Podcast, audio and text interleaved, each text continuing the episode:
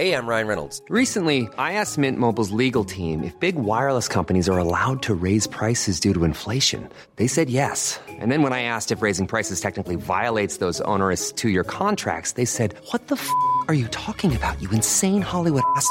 F- So to recap, we're cutting the price of Mint Unlimited from $30 a month to just $15 a month. Give it a try at mintmobile.com slash switch. $45 upfront for three months plus taxes and fees. Promo rate for new customers for limited time. Unlimited more than 40 gigabytes per month. Slows. Full terms at mintmobile.com. Hey, it's Paige DeSorbo from Giggly Squad. High quality fashion without the price tag. Say hello to Quince. I'm snagging high-end essentials like cozy cashmere sweaters, sleek leather jackets, fine jewelry, and so much more. With Quince being 50 to 80% less than similar brands. And they partner with factories that prioritize safe, ethical, and responsible manufacturing. I love that. Luxury quality within reach. Go to quince.com slash style to get free shipping and 365 day returns on your next order. Quince.com slash style.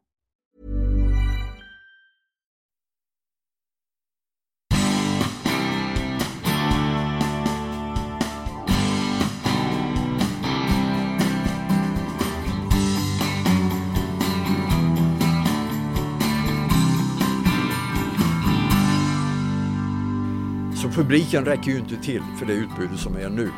När jag kom till Göteborg och Lars-Gunnar hade lockat mig dit, då var det Tipsextra. Och sen var det någon Europacupfinal som, som det handlade om i SVTs utbud på den tiden. Och Tipsextra sände november, december, januari, februari och halva mars. That's it. Och jag brukar säga, om Zlatan kommer fri med motståndarmålvakten. Kanonskott från straffpunkten. Målvakten tippar bollen till hörna i krysset. Så har du som kommentator två möjligheter. Antingen säger du Hur kan han missa? Eller som jag då har försökt att säga Vilken fantastisk räddning! Du, Glenn Strömberg har skrivit ett kapitel i min bok och det uppskattar jag. Men som jag brukar säga, i det kapitlet har Strömberg fler faktafel än vad Trump lyckades med på fyra år i Vita huset. För mig är Staffan Lindeborgs röst mest förknippad med simning. Det känns som att det aldrig har funnits någon annan sportkommentator inom den grenen. Men Lindeborg är naturligtvis bredare än så. Känd från fotbollen ända sedan den tiden då Tipsextra mer eller mindre var den enda klubblagsfotbollen som fanns på TV. Och naturligtvis de legendariska inslagen Staffan och Glenn med expertkommentator Glenn Strömberg. Men Lindeborg var också kompis med bordtennislandslaget som han kommenterade under många år och så naturligtvis ishockey. I det här avsnittet så får du ett antal härliga idrottsstories men också varför fyrfärgspennan är den viktigaste utrustningen en sportkommentator har, varför han aldrig haft problem med Zlatan och vad uttrycket off the record betyder för honom. Tiden för intervjun var begränsad till en och en halv timme. Men när det var dags att avrunda kom Staffan på att vi har pratat för lite om Småland. Och då fanns det plötsligt hur mycket tid som helst. Hur som helst, här kommer en sportkommentator av rang.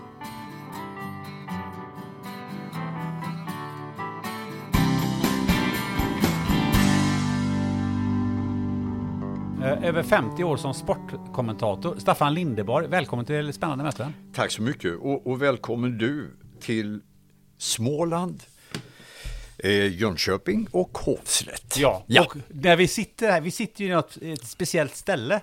Ja, det gör Eh, kan, kan du bara ge oss en beskrivning, vad är det vi sitter någonstans? Ja, Hovslätt är en stadsdel i Jönköping, strax söder om city. Vi sitter i eh, Jönköpings första snabbköp, en ICA-butik. Eh, huset är byggt 1937, det här var en ICA-butik. Du märker ju att ytan är lite mindre än ICA Maxi. Eh, och sen har det varit bank här, Sparbanken, Swedbank. Och eh, här har vi då i dessa lokaler, på bottenvåningen har vi vårt familjeföretag. Lindeborgs Communications AB. Så att det här är, här är jag uppväxt. Och du, eh, detta var eh, din fars ICA-butik va? Eh, Min pappa var ICA-handlare, hade flera butiker men det här var ju huvudbutiken. Och här var jag ju springgrabb och en före detta tv-sportchef har varit springgrabb här. Jaha, vem är det? Ja, den är inte lätt. Den är inte lätt. Därför att eh, Bosse Gensel var ju göteborgare, Remy Nilsson, eh, Arvika, Lennart Sveder, Arvika, eh, Hans Bonnevier eh, och så vidare och så vidare. Men här i Hovslätt växte Sven-Olof Malmros upp och han var springgrabb här innan han tog studenten och flyttade till Stockholm och sen gjorde han medial karriär på Aftonbladet, Radio Stockholm och sen kom han också, han var väl säkert 63-64, så kom han och blev tv-sportchef eh, ett, kanske två år. Ja, härligt. Eh, du, Staffan, när vi hördes eh, första gången så eh, var du lite sådär tveksam till att, att lyssna eller, eller för att, att gästa podden. För du sa så här att, ja men är det någon som vill lyssna på mig? Ja. Varför Jo, sa men- du så? Jo men eh, du och alla andra har ju hört mig till, till leda. Jag har ju, jag har ju suttit och kommenterat tusentals med timmar eh, fotboll, hockey, bordtennis, simning. Ja, men du har inte suttit i så mycket poddar? Nej, det har jag inte gjort. Nej, men jag har ju alltid varit lite försiktig med att tacka ja och, eh, och släppa... Alltså dörren till mitt privatliv har ju varit stängd eh, och är ju fortfarande stängd.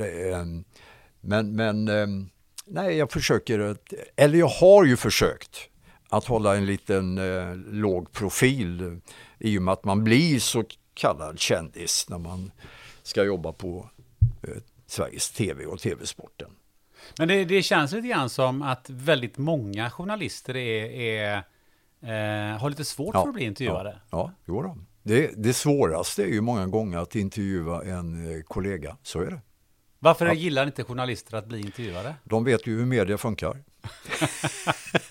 De vet att det kan bli rubriker på vad som helst. Um, nu, nu har jag ju ändrat lite i och med att eh, jag skrev en bok. Eh, och har man skrivit sina memoarer, även om den boken är lite annorlunda med gästförfattare, det är klart, då kan jag ju inte säga nej, jag, det går ju inte. Utan, eh, den heter ju ehm, eh, Public serv, eh, Service Service i 50 år. Matcher och mästerskap, minnen och möten. Men du har alltid varit eh, public service eh, trogen. Ja. Vad kommer det- sig? Ja, vi smålänningar är ju ganska lojala utav oss. Jag har ju haft möjligheter att, att, att gå till andra jobb, men jag har tackat nej och jag har gjort helt rätt. Jag har aldrig ångrat mig. Jag hade kunnat jobba inom eh, andra medieföretag, men, men jag har varit bortskämd. Ehm, jag har fått göra det jag har eh, älskat att göra, så att jag har ju aldrig haft något något, någon anledning till att byta jobb. Ehm, och eh, hade jag behövt pengar, då kanske jag hade tvingats byta jobb. För det är klart, som många har sagt, att jobba på public service, det är inte det mest lönsamma, men det är det roligaste. Och jag, jag känner ju väldigt stor tacksamhet eh, för vad jag har fått uppleva. Varför är det roligast att jobba på public service? Ja, min dröm var ju som, som liten grabb att kommentera fotboll. Det var ju drömmen. Och det har jag fått göra.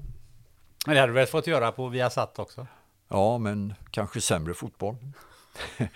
sämre arbetsvillkor, fler resor. Ja.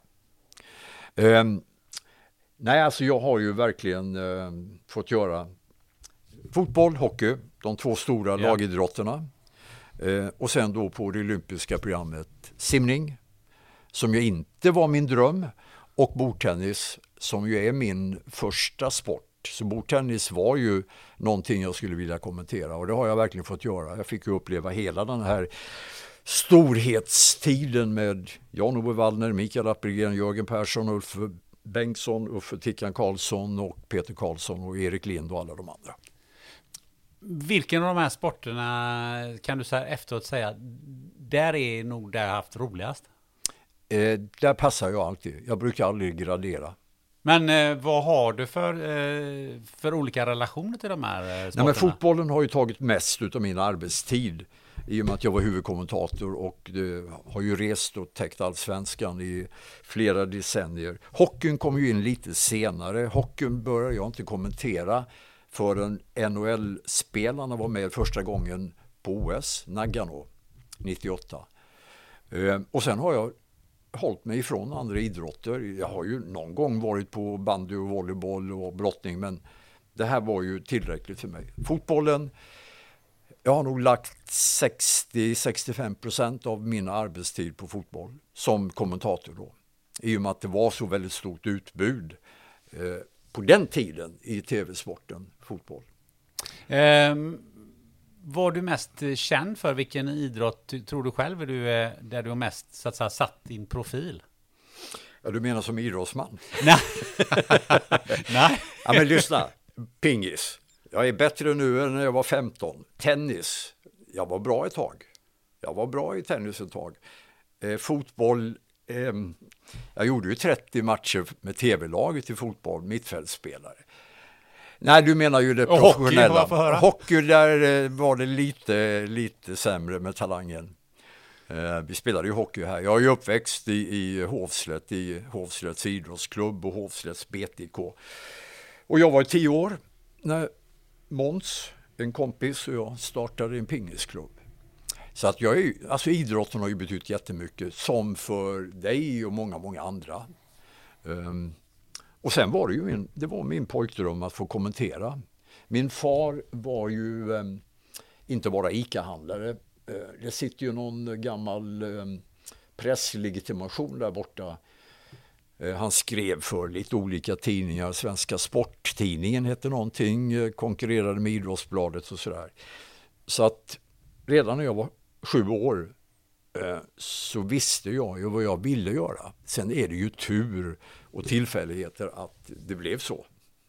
För mig ser du ju är simningen det första jag tänker på när det gäller kommentator. Mm. Och jag, jag funderat lite grann på det innan vi träffas här och det, det tror jag på att där är du utan konkurrens. Alltså till, eh, jag, jag är okunnig i övriga kommentatorer som håller på med simning, men, men där känns det som att där har du inte haft någon större konkurrens, men i fotboll nej, det, har nej. det ju varit ändå ja, rätt många jag ska säga, profiler som ja, har um, kommenterat fotboll. Nej, det är inte så många andra kanaler som har sänt simning. TV-sporten dominerade ju där, till och med eh, vårt sista OS, London 2012, då tappade ju SVT de olympiska rättigheterna. Och sen är det ju beroende på framgångarna också. Lasse Frölander, Therese Alshammar, Sara Sjöström. Och det är klart att det får ju stort genomslag. Men, men eh, i, i, arbetstid var ju inte simningen eh, speciellt krävande. Det var, ja, vad kan det ha varit? Tre, fyra veckor per år när det var mästerskap alltså. Eh, jag eh, blev ju egentligen tvingad att kommentera simningen. Alltså, varför det? Jag tror det står i boken där. Fredrik Belfrage, min gode vän, kommenterade ju simningen i Moskva när Bengt Baron och Per Arvidsson blev guldmedaljörer 1980. Och sen fick ju Fredrik för sig att han skulle syssla med underhållning också. Eh, och Fredrik var då på radiosidan. Så det var ju radion Fredrik kommenterade. Och då är Tommy Engstrand chef på Radiosporten och Tommy säger till mig, du får ta över simningen. Nej, det ska jag inte göra, så jag. Tennisen kan jag ta över. Då säger Engstrand att det, eh, är ju den jag kommenterar. Ja, jag vet så det men eh, vi kan göra det tillsammans. Du kan lära upp mig där. Och eh, vi hittade en kompromiss. Då sa Tommy, fantastisk människa, journalist, kommentator. Om du tar simningen så får du vara med på tennisen. Okej. Okay. Och det var redan 1982. Så simningen var ju inte min, jag kan ju simma men, men simning är ju inte min eh, sport från början. Någonting eh, som ju slår en det är ju att det snackas väldigt mycket golf på var och varannan sida i den här eh, boken. Ja. Eh, och, och då undrar jag, varför var du aldrig inne på att kommentera golf? Jag fick ju ett eh, väldigt fint erbjudande utav eh, eh, en av de privata kanalerna. Men jag tackade nej utav det skälet att redan då som golfkommentator så satt du inte på plats mer än någon enstaka gång om året. Utan du satt i en liten studio i Stockholm eller Köpenhamn och så skulle du kommentera torsdag och fredag och lördag och söndag. Och dessutom eh, tittningen på golf i tv är inte eh, hög. Eh, golfare, jag är ju själv golfare, vi spelar ju golf hellre än vi tittar på golf. Så att det, det, det erbjudandet som jag fick eh, utav eh, eh, Magnus Lindberg som var en av Jan Stenbecks närmaste, det tackade jag till egentligen direkt. Och det var tidigt, det var ju innan golfen hade etablerat sig, innan Stensson hade börjat att vinna, innan eh, Alfredsson och Annika hade slagit igenom. Jag gjorde helt rätt. Jag gjorde helt rätt. Jag har ju gjort lite golf, men, men eh, i, i radiosporten var jag ju den som gjorde de första golfsändningarna i Sportextra-form på 80-talet när Tumbas eh, tävlingar på Ullna och sen, sen fanns det ju under många, många år en Mr Golf i... Eh... Göran Zacke Zackrisson. Just det. Exakt. Som jag beundrar, inte minst därför att Zacke satt vecka efter vecka, kommenterade och det var inte två gånger 45 minuter, det var två gånger fyra timmar ibland. Ja. Mm. Um... Jag säger som Oldsberg alltid sa, det var inte min grej. Nej. Det var inte min grej. Din grej eh, var ju däremot att, att rapportera och ha koll på eh, tider och namn och tidigare placeringar mm. och, och, hur långa de var, historik och, och vet allt. Alltså, hur, hur bar det åt för att komma ihåg alla de här grejerna? Jag hade förberett mig och så hade jag det ofta på papper. Och det var ju Lars-Gunnar Björklund som lärde mig det. Vad är tricket? Att vara förberedd. Ja, men någonstans så, du kan inte lära allt det där utan till eller Nej. hur gjorde du? Men jag har ju en teknik och det är att jag skriver ner, när jag skriver ner någonting då fastnar det i huvudet. Um, men väldigt mycket handlar ju om att ha det på papper och använda det när du behöver. Och du ser, jag har ju gått igenom ett, en del av arkivet, där ser du fyra, fem permar. Där ligger ju um, en del av de gamla Tipsextra matchplattorna. Um, för på den tiden hade vi inga mobiler. Vi talar om 80-talet. Vi hade inte internet. Utan man fick ju leta upp väldigt mycket själv det som, som eh, man ville förmedla då. Nej, alltså jag är bra på att förbereda mig.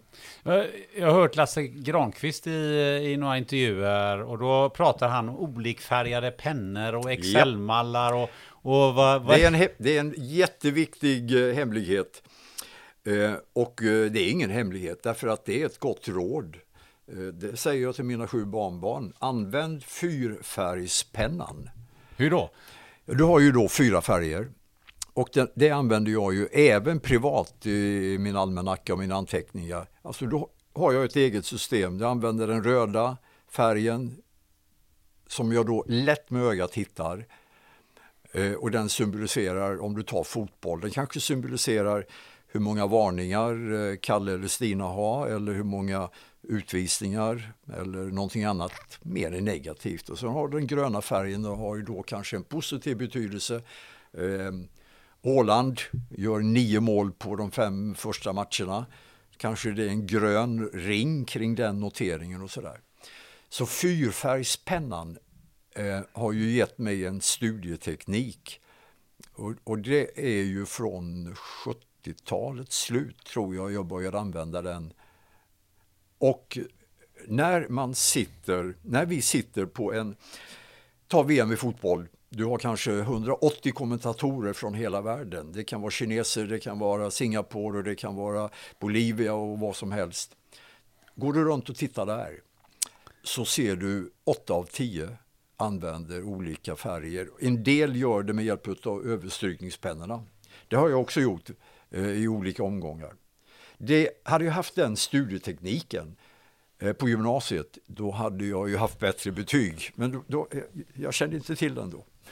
Eh, en annan sak som ju jag alltid i alla fall imponeras av, eh, ja, när man hör sportkommentatorer, men även andra i, i, eh, i olika sammanhang, det kan vara på nyheten och så vidare, det är att eh, ni pratar ju oerhört flytande och det är sällan ni stakar er i närheten av det som jag gör när jag ställer frågor till dig. Mm. hur bär ni er åt? Det är det rutin eller någon som har lärt det eller funkar det? Eh, förhoppningsvis är det väl viss talang. Eh, men det är väl också kanske en, eh, en tradition. Om vi tittar på Sverige då så Hyland, Lars-Gunnar Björklund, Åke Strömmer. Du kan ta hur många.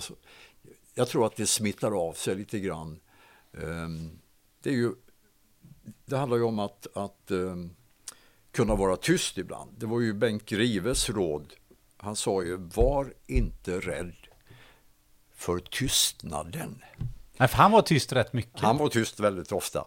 Eh, och det är ju det som är, ehm, nu är det ju tycke och smak, men det är klart, det finns ju många kommentatorer som snackar lite för mycket. Jag är ju mentor i vårt företag till kommentatorer och expertkommentatorer numera i olika kanaler.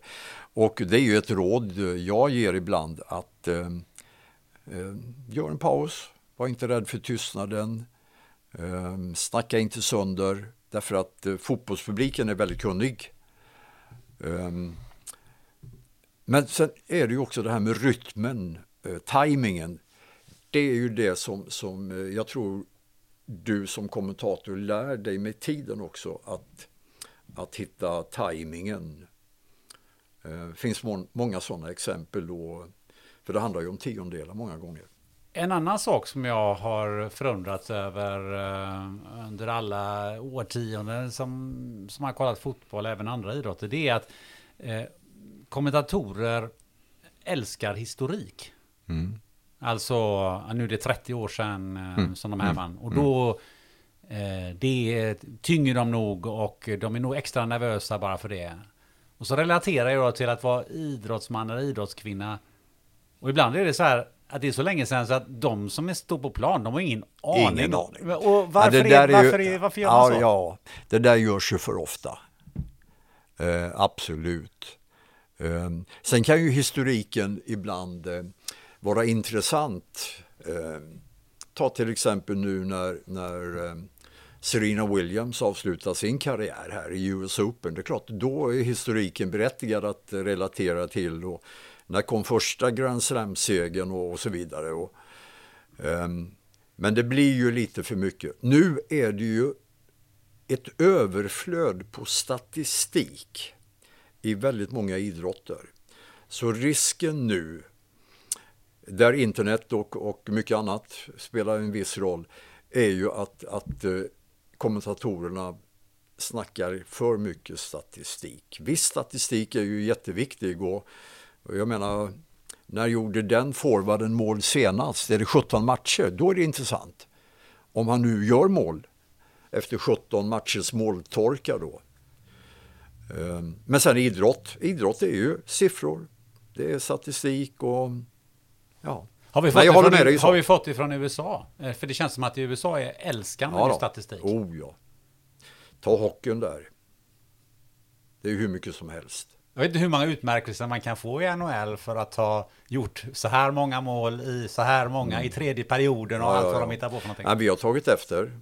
Det har vi gjort. Och dessutom då med, med sådana här säsongsutmärkelser. Um, det kommer ju från USA. Absolut. Engelsmännen är ju också när det gäller fotbollen eh, ganska statistiktyngda.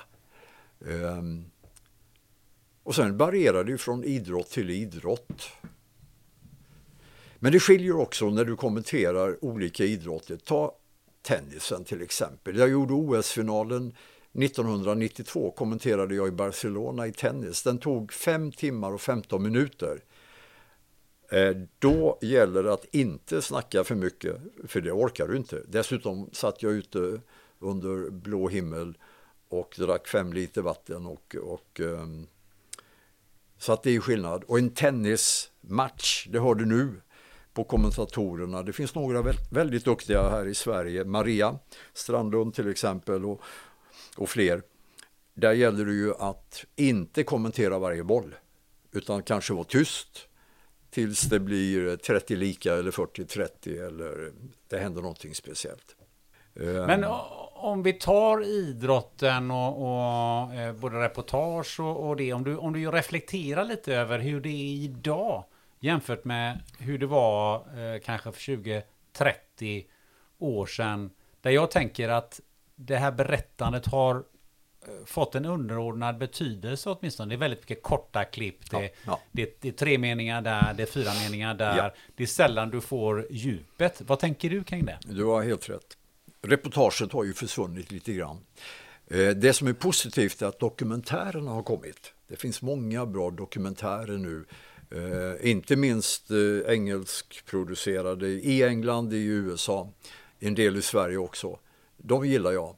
Eh, De kräver mycket jobb och de är väldigt sevärda. Men det här reportaget som tv-sporten var känd för i många år, det saknas ju av många. Varför är Eh, det så? Varför har det försvunnit? Utvecklingen, eh, nyhetssändningarna är annorlunda, det är kortare, det är mycket som ska med, det är lite andra strategier numera. Eh, reportaget kostar också en hel del och det kräver ju, det kräver ju ganska bra kvalitet både när det gäller fotografen, redigeraren och eh, reportern. Zacke var ju väldigt duktig och det finns många fler. Ehm, Jens Lind, en, en eh, kille som jobbar för, som har varit på TV-sporter, eh, Joel Segerdahl, mycket duktig. Och det finns många fler. Men det har ju tyvärr eh, minskat i utbudet. Sportutbudet 2022 är ju så fruktansvärt annorlunda än 82. Hur, eh, hur då? Kan du beskriva det? Vad du ser? När jag föreläser eh, om sport och media och tv och utveckling och sådär så är rubriken så här var det, så här är det och så här blir det. Jag berättar om hur det var när jag började. Då var vi fyra stycken i Sverige som fick kommentera fotboll. Fyra stycken. Nu är det 400. Bara för att ta ett exempel. Eh, och utvecklingen är ju, och sen är ju utbudet nu, du kan ju titta på lördag, kan du välja eh, förmodligen 28 olika matcher i fotboll. England, Tyskland, Spanien, Italien, Sverige. Men du kanske bara hinner se en eller två. Så publiken räcker ju inte till för det utbudet som är nu. När jag kom till Göteborg och Lars-Gunnar hade lockat mig dit, då var det Tipsextra. Och sen var det någon Europacupfinal som, som det handlade om i SVTs utbud på den tiden. Och Tipsextra sände november, december, januari, februari och halva mars. That's it. Och nu så är det helt annorlunda.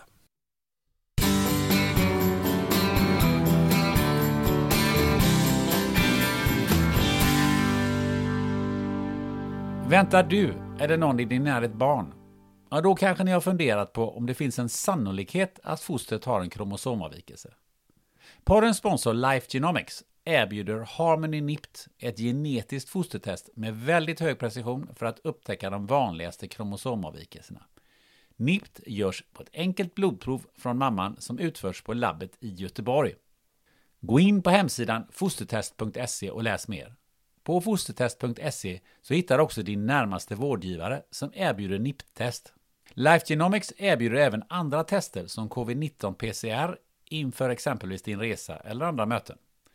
Dessutom erbjuder Life Genomics ett kvantitativt antikroppstest för covid-19 som påvisar aktuell immunstatus.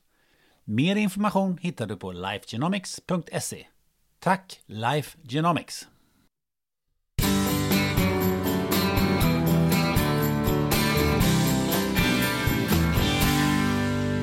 Och så här blir det. Vad har du i Ja, den kikaren? För några år sedan så var jag ganska säker på att peka ut eh, vad som händer. Nu är det svårare.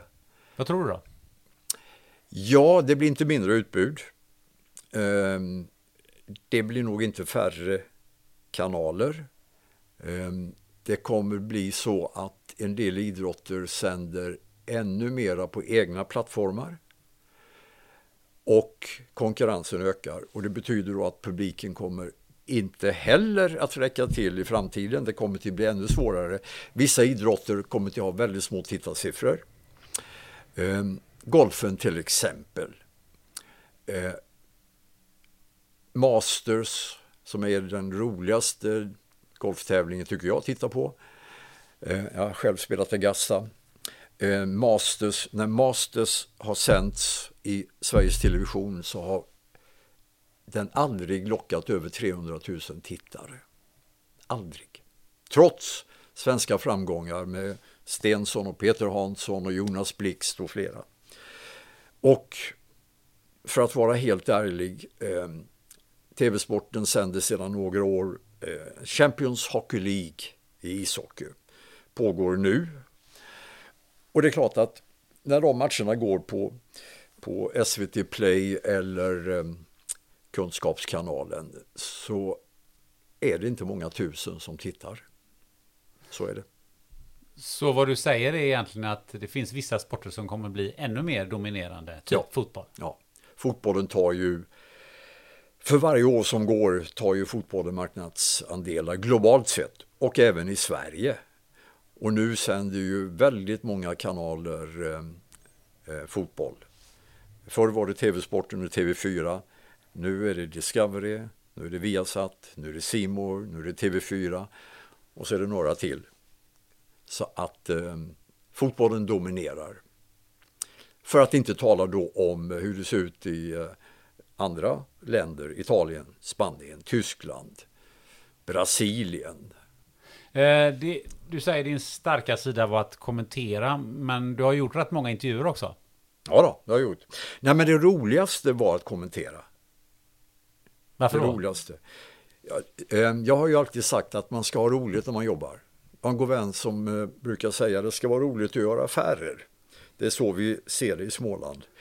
Eh, när det roligaste för mig är att kommentera, utan tvekan. Pro programledare är jätteroligt också, men inte alls i närheten av att kommentera. Jag har respekt för, för programlederiet, jag har suttit där mängder med gånger.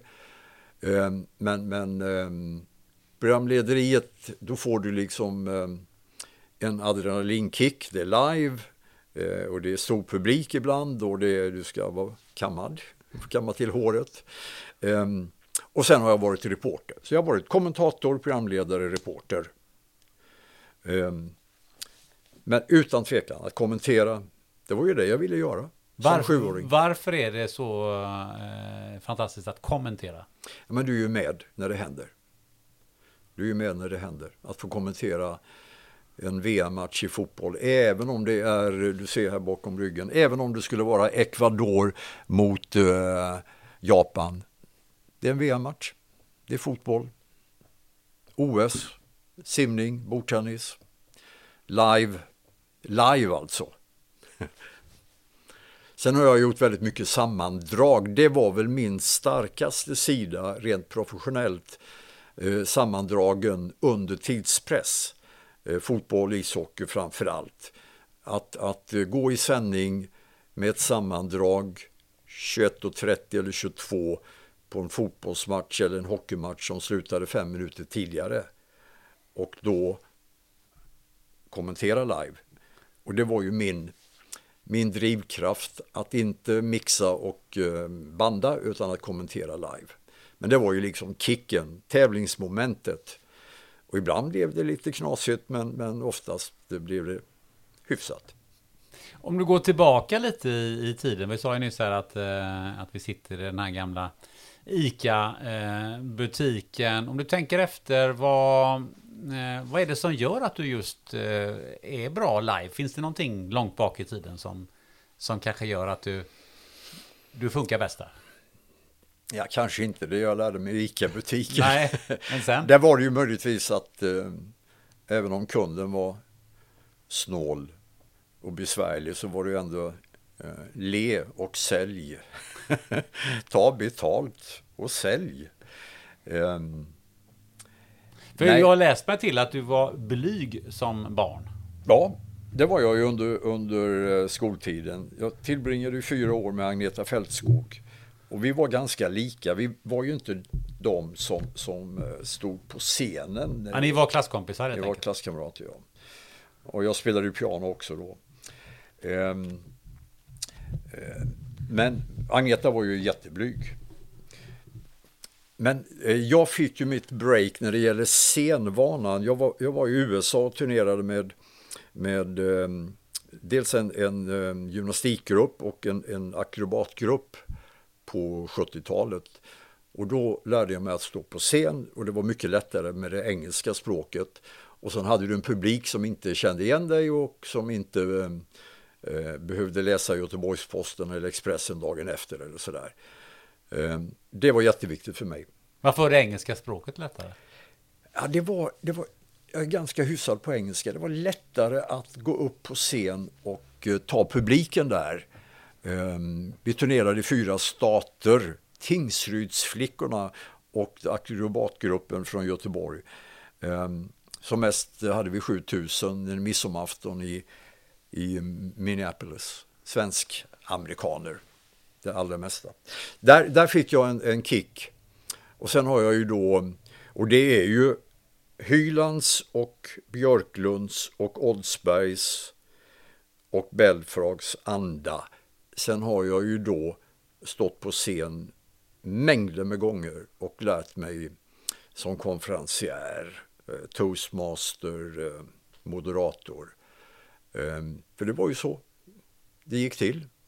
Hyland eh, var ute och, och stod på scen det, det, var liksom en del av det här tv-sportjobbet. Mycket märkligt, men så var det alltså.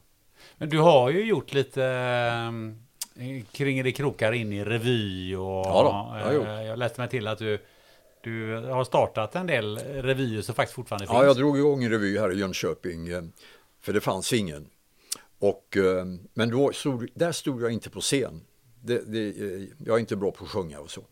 Ehm, men däremot var jag med och drog igång den och, och ehm, gjorde en del annat nytta där. Hade du någon fundering på att bli skådespelare? Nej, nej, nej.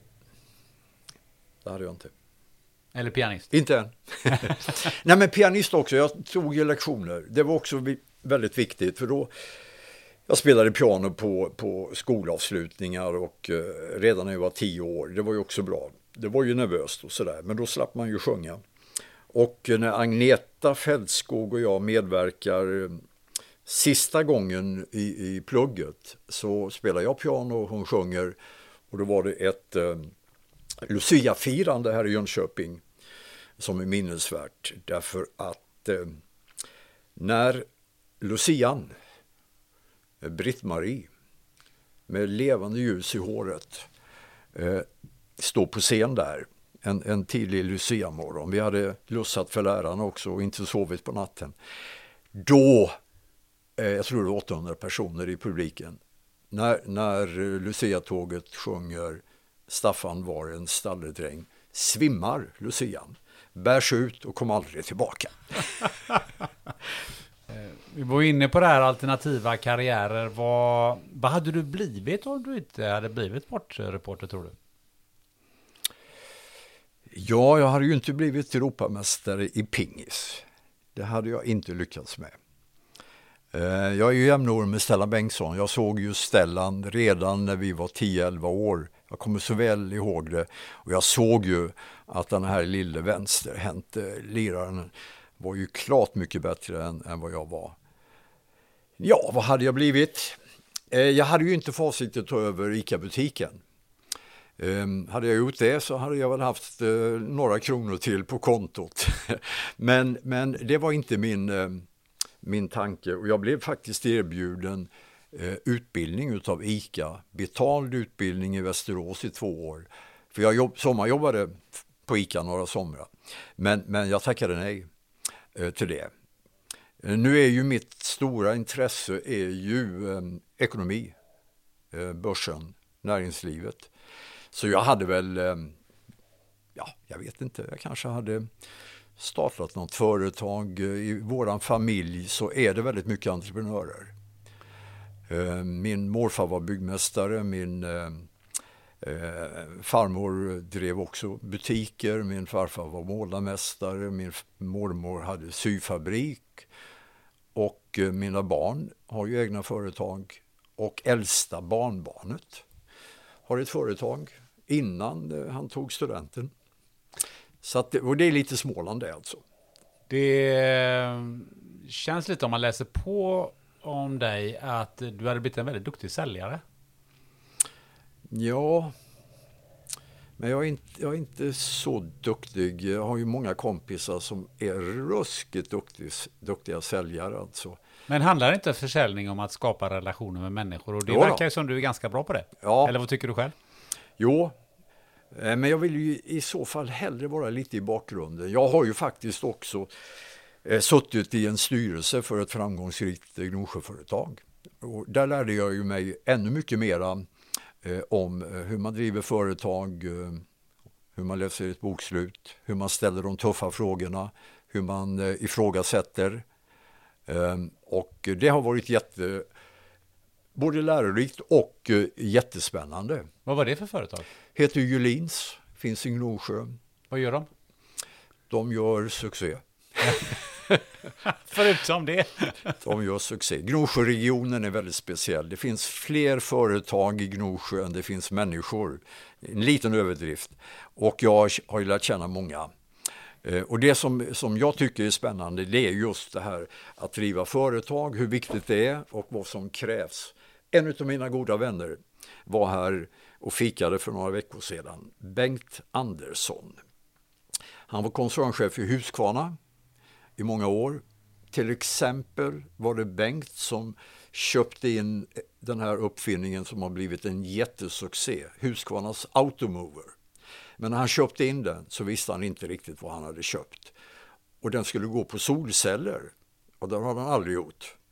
Eh, bara den storyn tycker jag är helt underbar. Och eh, när Bengt var här så satt vi och snackade om eh, och hans karriär i tre timmar. Och eh, sånt intresserar mig. Jag skrev en bok eh, för, eh, ja det var på 90-talet, ett uppdrag för Öhrlings eh, Pricewaterhouse Coopers. Och det handlade om en, en god vän som var företagare i Gnosjöregionen, Åke Pettersson. Så att det här med näringsliv och, och företag, det har ju varit mitt stora intresse.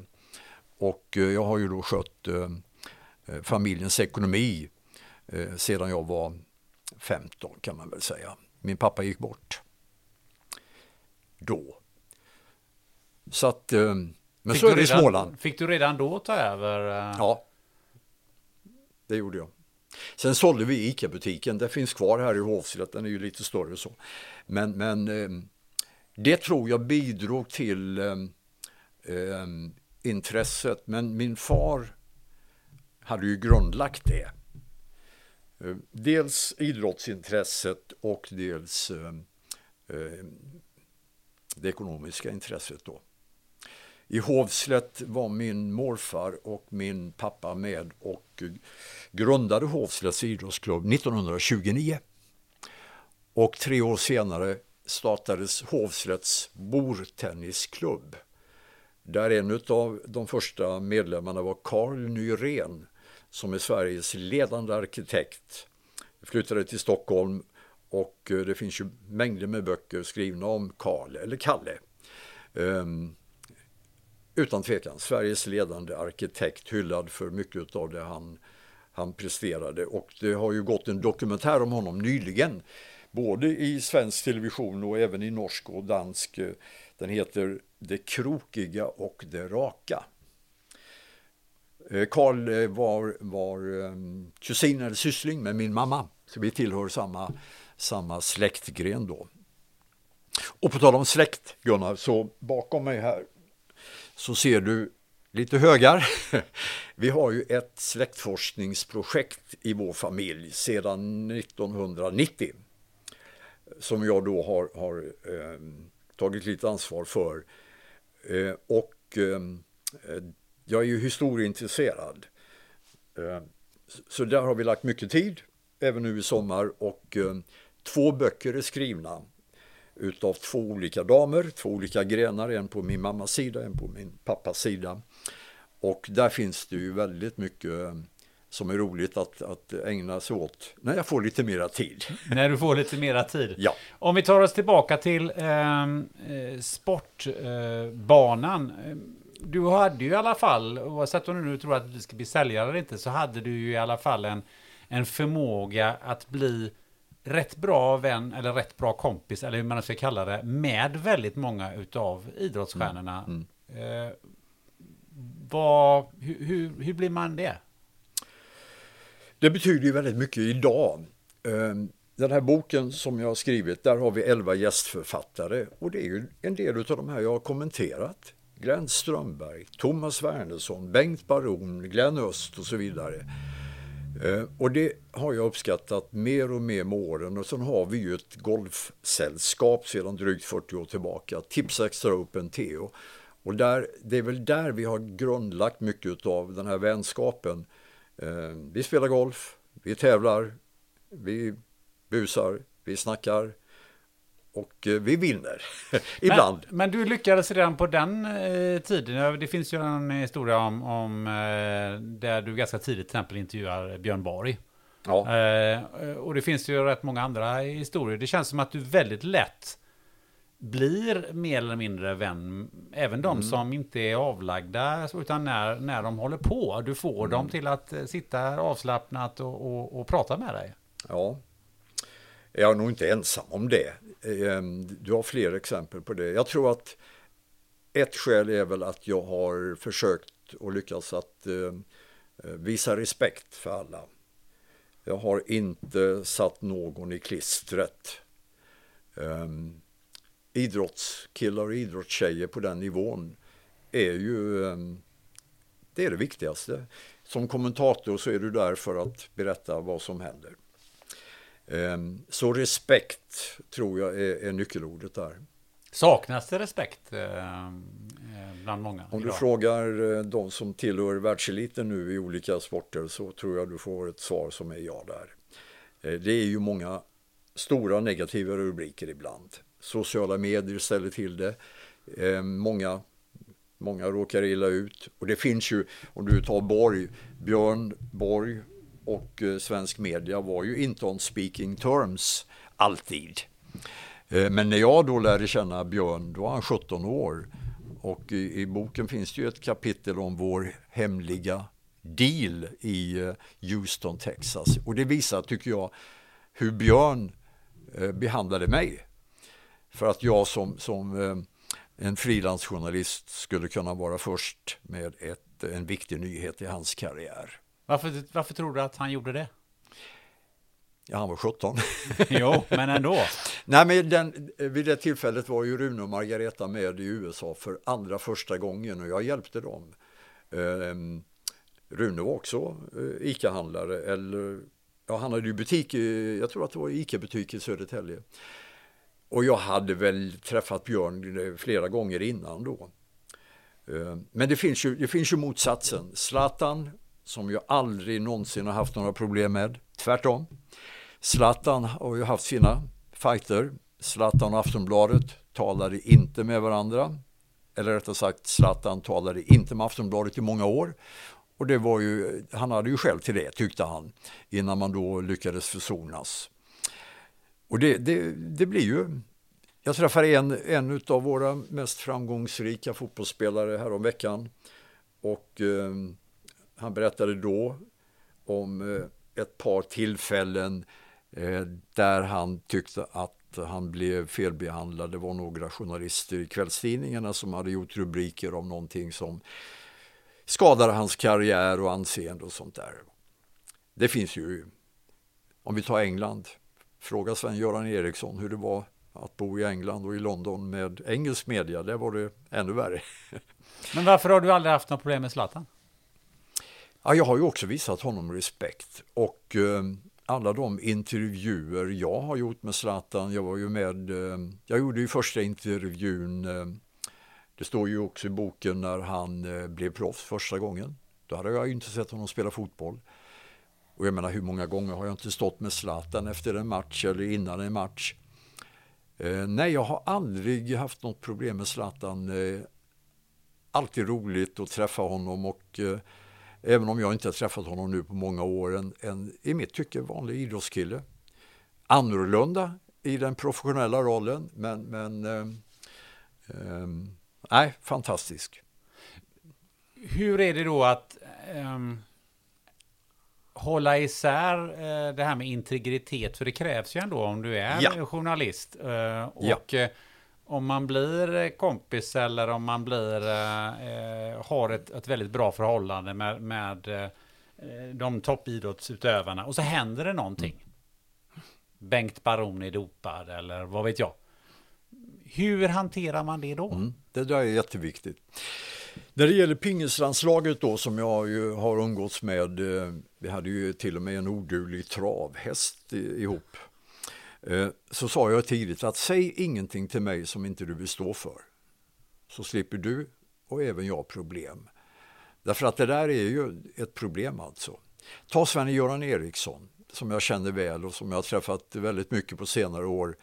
Eh, jag kommer så väl ihåg efter Uefa-cupsegern 82 så stod jag som konferencier på torget i Stenungsund och eh, Sven-Göran skulle hyllas och efter, efter eh, den där hyllningen, det var ju sommartid, så pratade ju Svennis och jag på tu man hand och eh, då var det ju redan rykten om att han skulle lämna Göteborg efter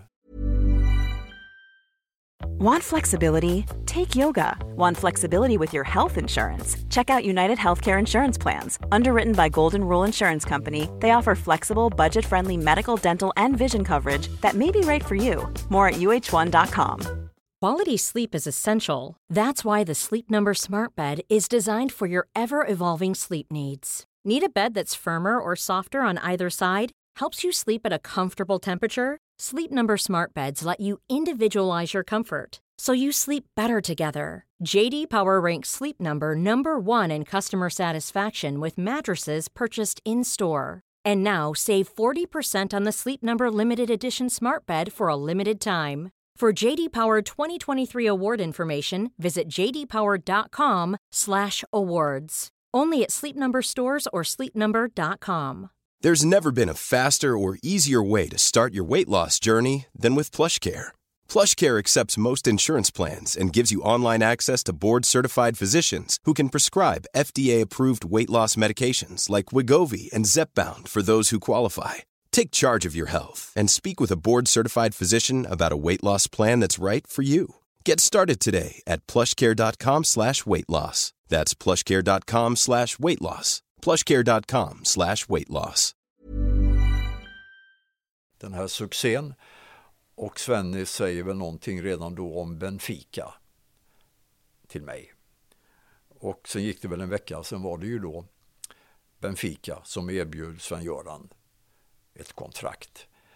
Ehm, så det gäller ju liksom, och sen också då i ett sånt läge, då har jag varit noga med nu kommer jag inte ihåg exakt hur samtalet var med Svennis, men förmodligen sa jag, kan jag gå ut med detta idag? Kan jag gå ut med detta imorgon? Um, och sen har jag ju en arbetsgivare. Jag har ju haft en arbetsgivare. Jag har ju varit anställd utav tv-sporten. Och tv-sporten har ju varit prioritet nummer ett. Men det har ju varit flera tillfällen när jag har känt till eller trott mig känna till saker och ting som jag har väntat med att gå ut. Inte kanske i första hand för att vara bussig mot någon idrottsman eller idrottskvinna utan för att jag vill ju vara först men jag vill ju inte gå ut med felaktiga uppgifter. Men finns det här off the record? För det var ju lite off the record. Jag hävdar ju att det finns. För det är många som journalister som säger att det finns inte. Nej, jag har ju motsatt uppfattning. Det finns off the record. Och det har jag ju använt många, många gånger. Och bara ett litet exempel. Ehm, det är ju så lätt att eh, eh, kritisera någon om Sverige förlorar eller om någon förlorar en viktig match eller simmar dåligt. Men om du känner till att det finns en bakomliggande orsak ehm, så kanske din kritik blir mer nyanserad. Det kan ju vara någonting som har hänt i familjen. Det kan vara en sjukdom. Det kan vara någonting, vad som helst. Och ju bättre förberedd jag är desto bättre gör jag ju de bedömningarna. Sen har jag ju en ledtråd och det är ju Zlatan och Svennis. Svennis har påverkat mig väldigt mycket när det gäller att eh, lära mig fotboll, eh, se på fotboll. Och jag brukar säga om Zlatan kommer fri med motståndarmålvakten. Kanonskott från straffpunkten. Målvakten tippar bollen till hörna i krysset. Så har du som kommentator två möjligheter. Antingen säger du hur kan han missa? Eller som jag då har försökt att säga, vilken fantastisk räddning. Och det är en skillnad. Det är en skillnad. Och sen är det ju så, när två lag spelar fotboll eller när två lag spelar ishockey så brukar ett lag förlora. Märkligt nog. Om inte det blir oavgjort. Va? Um, så att jag tycker det, det, är, det är det viktiga och det jag försöker pränta in lite i min mentorroll också. Eh, expertkommentatorn har ju en annan uppgift än kommentatorn. Kommentatorn ska ju berätta vad som händer och du Gunnar som expertkommentator du ska tala om varför det händer. Men det blir ju ofta så att expertkommentatorerna blir väldigt negativa, eh, gnäller, skäller eh, och det är inte min stil. Ta ett exempel som jag tycker är väldigt positivt och glädjande att se. Det är Fredrik Ljungberg som nu bor kvar i London. Han åker hem varannan vecka, kommenterar engelsk fotboll och i mitt tycke är lysande. Balanserad, nyanserad, kunnig. Men hör du Ljungberg skälla, gnälla? Icke. Vad du nämnde Zlatan, har, har han lärt dig någonting mer eller var det där exemplet med att han kommer fri. Ja, du, sa, du sa Svennis och så sa du Zlatan. Ja, jag tog Zlatan som ett exempel där. Nej men Zlatan är ju, är ju en annorlunda personlighet, en fantastisk fotbollsspelare. När, när han slog igenom så fick jag ju mejl och brev om att uh, hur kan du berömma honom? Uh, men men uh, det gjorde jag ju ändå. Och Nej, men han, är ju, han är ju ett unikum alltså och spelar fotboll fortfarande i, i denna ålder. Och i boken berättar jag ju om, eh, eh om när han stal straffen för Kim Källström på Ullevi, när, när Glenn Strömberg och jag kommenterade. Jag tycker det är ett bra exempel som visar hur Zlatan tänker och hur många andra eh, lagspelare också tänker. Han är ju en lagspelare, men han är ju en utpräglad individualist. Zlatan Ibrahimovic. Han är inte, han är inte en vanlig svensk fotbollsspelare, men han är den bästa jag har sett. I särklass. Vad var storyn? Ja, det, var, det, är ju då när det är presskonferens och, och uh, han är på alla löpsedlar. Det var ju, det var ju uh, ramaskri. Man gör ju inte så här att man stjäl en straff uh, och, och skjuter den i mål när någon annan ska ta straffen. Kim Källström var ju, och Sverige mötte ju, det San Marino där vann med 5-0. Så det var ju presskonferens dagen efter och Lasse Lagerbäck var förbundskapten och det var, det var lite mm, stressigt med tiden. Jag vill minnas att presskonferensen var nere på Scandic-hotellet vid Centralstationen Centralstation i Göteborg. Och till slut, min fotograf sticker och ska skicka upp eh, inslaget i intervjun för att det ska gå i sändning bara om några minuter. Och till slut är det bara Zlatan och jag kvar.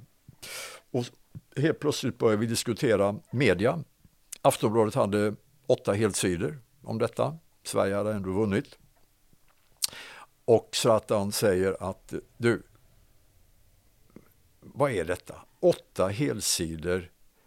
Och jag vet, jag säger till Zlatan att ja, du har ju varit med nu ett tag här. Du vet ju att media funkar på ett speciellt sätt. Det blir rubriker, du skapar rubriker och eh, det är bara, du behöver inte gilla det, men du, du måste ju hantera det. Det var väl mitt lilla råd där. Och då tittar Zlatan på mig och så säger han, du, åtta helsidor. Jag gjorde mål. Hur många hade det varit som jag hade missat? och det, jag tycker det visar Zlatan hur han tänker och då tänkte. Nu har vi ju pratat om bisittare har du nämnt några gånger och du nämnde ja, alldeles nyss. Expertkommentator säger jag. Bisittare, det är ju en synonym, men jag tycker den är lite nedvärderande. Jag säger alltid expertkommentator. Expertkommentator säger vi hädanefter. Eh, Glenn Strömberg. Är ingen bisittare. Glenn Strömberg. Ja, kära någon. Sicken, eh, sicken personlighet. Hur hamnade ni eh, tillsammans? Eh, ja du, först eh, kommenterade jag honom och, och träffade honom eh, när han slog igenom i IFK Göteborg. Sen hade jag Glenn med som en liten expertkommentator i samband med en cupvinnarcupfinal på Ullevi på 80-talet. Sen flyttade han ju till, till Du, Berg. vi stannar där lite bara, Ja. just vid den cup- cupvinnarcupfinalen. Vilka, vilka lag var det som möttes? Ja, nu måste jag tänka efter. Visst var det Sampdoria och Aberdeen? Eller? Det var det som Glenn har skrivit. Men jag kan tala om för att Glenn, har, inte. Glenn har faktiskt fel, eh, har fel och dåligt minne. Det förvånar mig inte alls. Nej. Han, eh, det var faktiskt eh, Real Madrid. Sampdoria, Real Madrid. Nej, Real Madrid mot Aberdeen. Men du, då är det väl så att det jag tänker på är en annan cupfinal. När Sampdoria ändå är på Ullevi va? Det vet jag inte, men eh, så här är det att eh, 1983 så spelade Aberdeen cupvinnarcupfinalen mot Real Madrid på Ullevi. Okej, men då var inte Glenn med. För Nej, men han gick- skriver det. han skriver det, ja. Han skriver det. Du, Glenn Strömberg har skrivit ett kapitel i min bok och det uppskattar jag. Men, som jag brukar säga, i det kapitlet har Strömberg fler faktafel än vad Trump lyckades med på fyra år i Vita huset. Och det så här lite. Då förstår du hur allvarligt det är. Ja, men Glenn är ju den som jag har kom kommenterat mest fotboll med i alla år och vi gjorde ju ett program som hette Staffan och Glenn, ett annorlunda fotbollsprogram med mycket bus. Eh, Och eh, han är ju en fantastiskt god vän som jag ju alltid bråkar med i varje samtal. Och då ska du veta att han är ju värre, för han bråkar ju med mig också. Första gången vi spelade bordtennis så sparkade han sönder en vägg på ett hotell i Hannover. Jag vann första set. Och då blir han så arg så att han Ja, sparkar han är sönder. ju han är ju från Lerkil där utanför Göteborg. Någonting gick fel där, men det har ju blivit bra ändå. Duktig pingisspelare, mycket duktig.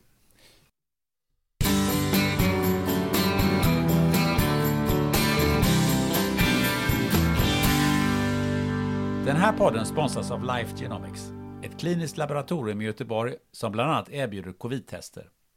Har du precis bokat en resa på kort varsel och behöver PCR eller antigentest för covid-19? Ja, då kan du gå in på coronapassport.se för att hitta en vårdgivare i din närhet och boka en tid för test och friskhetsintyg. Life Genomics har samarbete med kliniker över hela Sverige. Tack Life Genomics!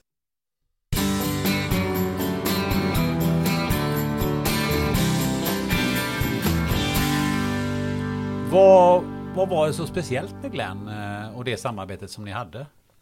Jag vet, jag ringde honom så sa jag att eh, nu har du haft semester i sju år, nu får du göra lite nytta. Han hade investerat lite i italienska lir i något företag och han satt där nere i Bergamo så spelade han tennis och så gick han på gymmet och så drack han lite cappuccino. Ehm, och sen var Bosse Gentzel en mycket viktig bidragande faktor för Bosse som då var tv-sportchef ehm, tyckte också att Glenn skulle bli expertkommentator. Och vi behövde förnya och ehm, minns jag rätt nu så är han med eh, EM 96. Då lär jag honom eh, lite grann om aktiemarknaden när vi åker bil i England. Han hade ingen koll på börsen eller aktier och sånt där. Och sen blev han ju daytrader helt plötsligt. Så EM 96 är väl vårt första mästerskap. Eh, Och sen så har han ju då varit med och är fortfarande med tv-sporten nu när det är VM i, i november, december. Men han gick ju också sen då för många år sedan till, till eh, Viasat. Och eh, ja, det finns mycket att berätta om eh, Glenn. Han har ju gett sig in i, i näringslivet som entreprenör. Vi sitter i eh, Hannover 2005 äter lunch. Eh, förmodligen var det jag som tog notan. Och då säger han, Varför, det- varför är det förmodligen så? då säger han, Lindeborg har aldrig tagit en nota. Eh, och då säger han, Eh, italiensk mat. Vi ska, vi ska börja med italiensk mat, sälja i Sverige. Och, och, och du ska vara med. ICA-handlarson. Jag sa aldrig i livet. Aldrig i livet Strömberg. Men han började ju med detta och har jobbat med det och han han, eh, med sitt eh, varumärke så är det nu skor och det är eh, kläder och det är det ena efter det andra. Så han har ju blivit en entreprenör och det, det beundrar jag honom för. För det där, det tar tid, det kostar pengar i början. Ehm, och sen har han ju då kommenterat fotboll nu mer än någon annan expertkommentator om du tänker efter och räknar in Eh, Eh, landskamper och engelsk fotboll och Champions League. Och sen har ju Glenn sin egen stil. När vi började kommentera så ville han ju sitta tyst och liksom eh, hitta formationerna och, och eh, studera lagen efter avspark. Ibland fick man ju sätta en armbåge i revbenet på honom så att han kunde säga någonting. Eh, men samarbetet med Glenn har varit väldigt roligt och vi blev ju lite grann eh, inte uppskattat av alla. Men, men vi blev ju liksom eh, vi blev ju lite ovänner som kommentatorer. Om jag sa att det var en bra passning så sa ju Glenn emot. Och sa Glenn någonting så sa jag ju emot ibland. Men det var ju den stilen vi hade. Och vi har ju alltid, eh, vi har ju alltid eh, haft den dialogen. Jätteroligt, jag älskar ju det. Och ringer jag Strömberg nu så är ju inte den första repliken hur mår du? Utan det är ju då någonting annat. Eh, har du varit på gymmet eh, i augusti eller har du, ja, det är alltid någonting åt det hållet. Jag, jag gillar ju det. Vad, vad gör eh, att han är en så bra expertkommentator? Han är annorlunda. På vad sätt då? Han låter annorlunda, han, han uttrycker sig annorlunda än de flesta. Han har sin egen stil och den har han varit trogen. Han har ett språk som är annorlunda. Ehm, jag har ju försökt att, eh, att eh, coacha honom lite grann. Han har det onödiga språket. Han säger ofta, man kan säga att eh, Liverpool borde ha vunnit. Eller ja, så att säga skulle ju Beckhams passning varit i djupled och så. Och då säger jag, det är det onödiga språket. Ta bort man kan säga, ta bort så att säga, det tar bara tid. Och så införde vi vid något mästerskap, det var ett mästerskap Eh, Österrike, Schweiz EM. Då sa jag om du säger det i direktsändning så är det 20 kronor i böter. Jag drog in 160 kronor i en och annan eh, sändning i Nyhetsmorgon där. Eh, vi hade en lunch.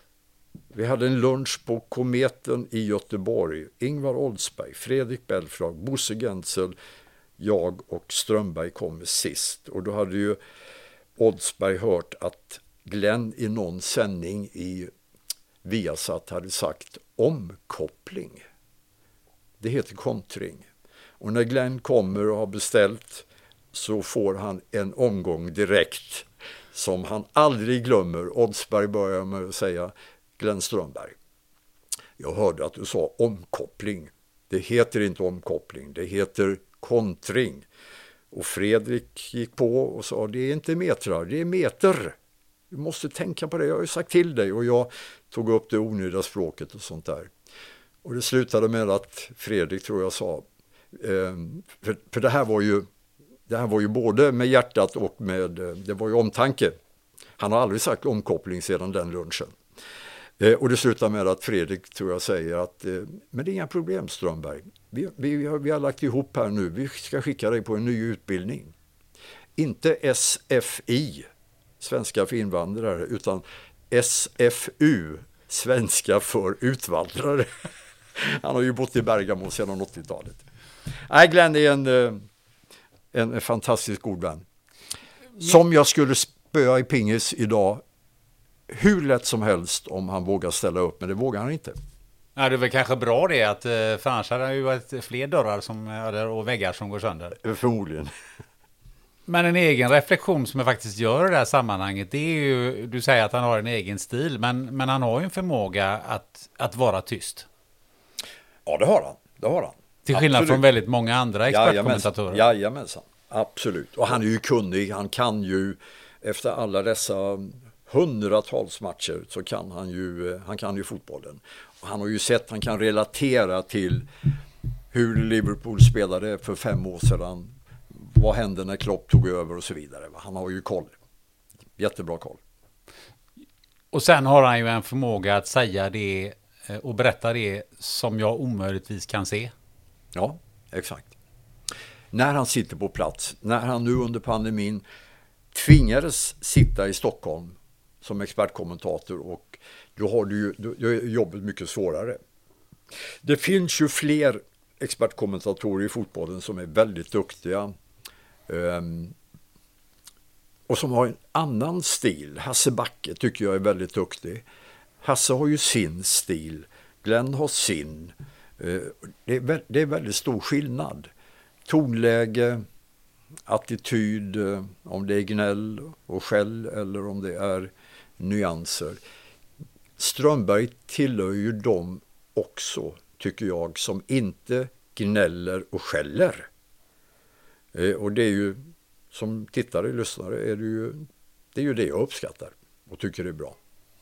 Eh, om vi tar oss dit där vi är idag. Eh, många sportjournalister går ju vidare och, och eh, blir värdar för diverse nöjesprogram. Mm. Det finns ju Hylands hörna och Eh, Oldsberg, eh, Oldsberg Belfrag, Belfrag, Engstrand, men inte Staffan. Hegerfors.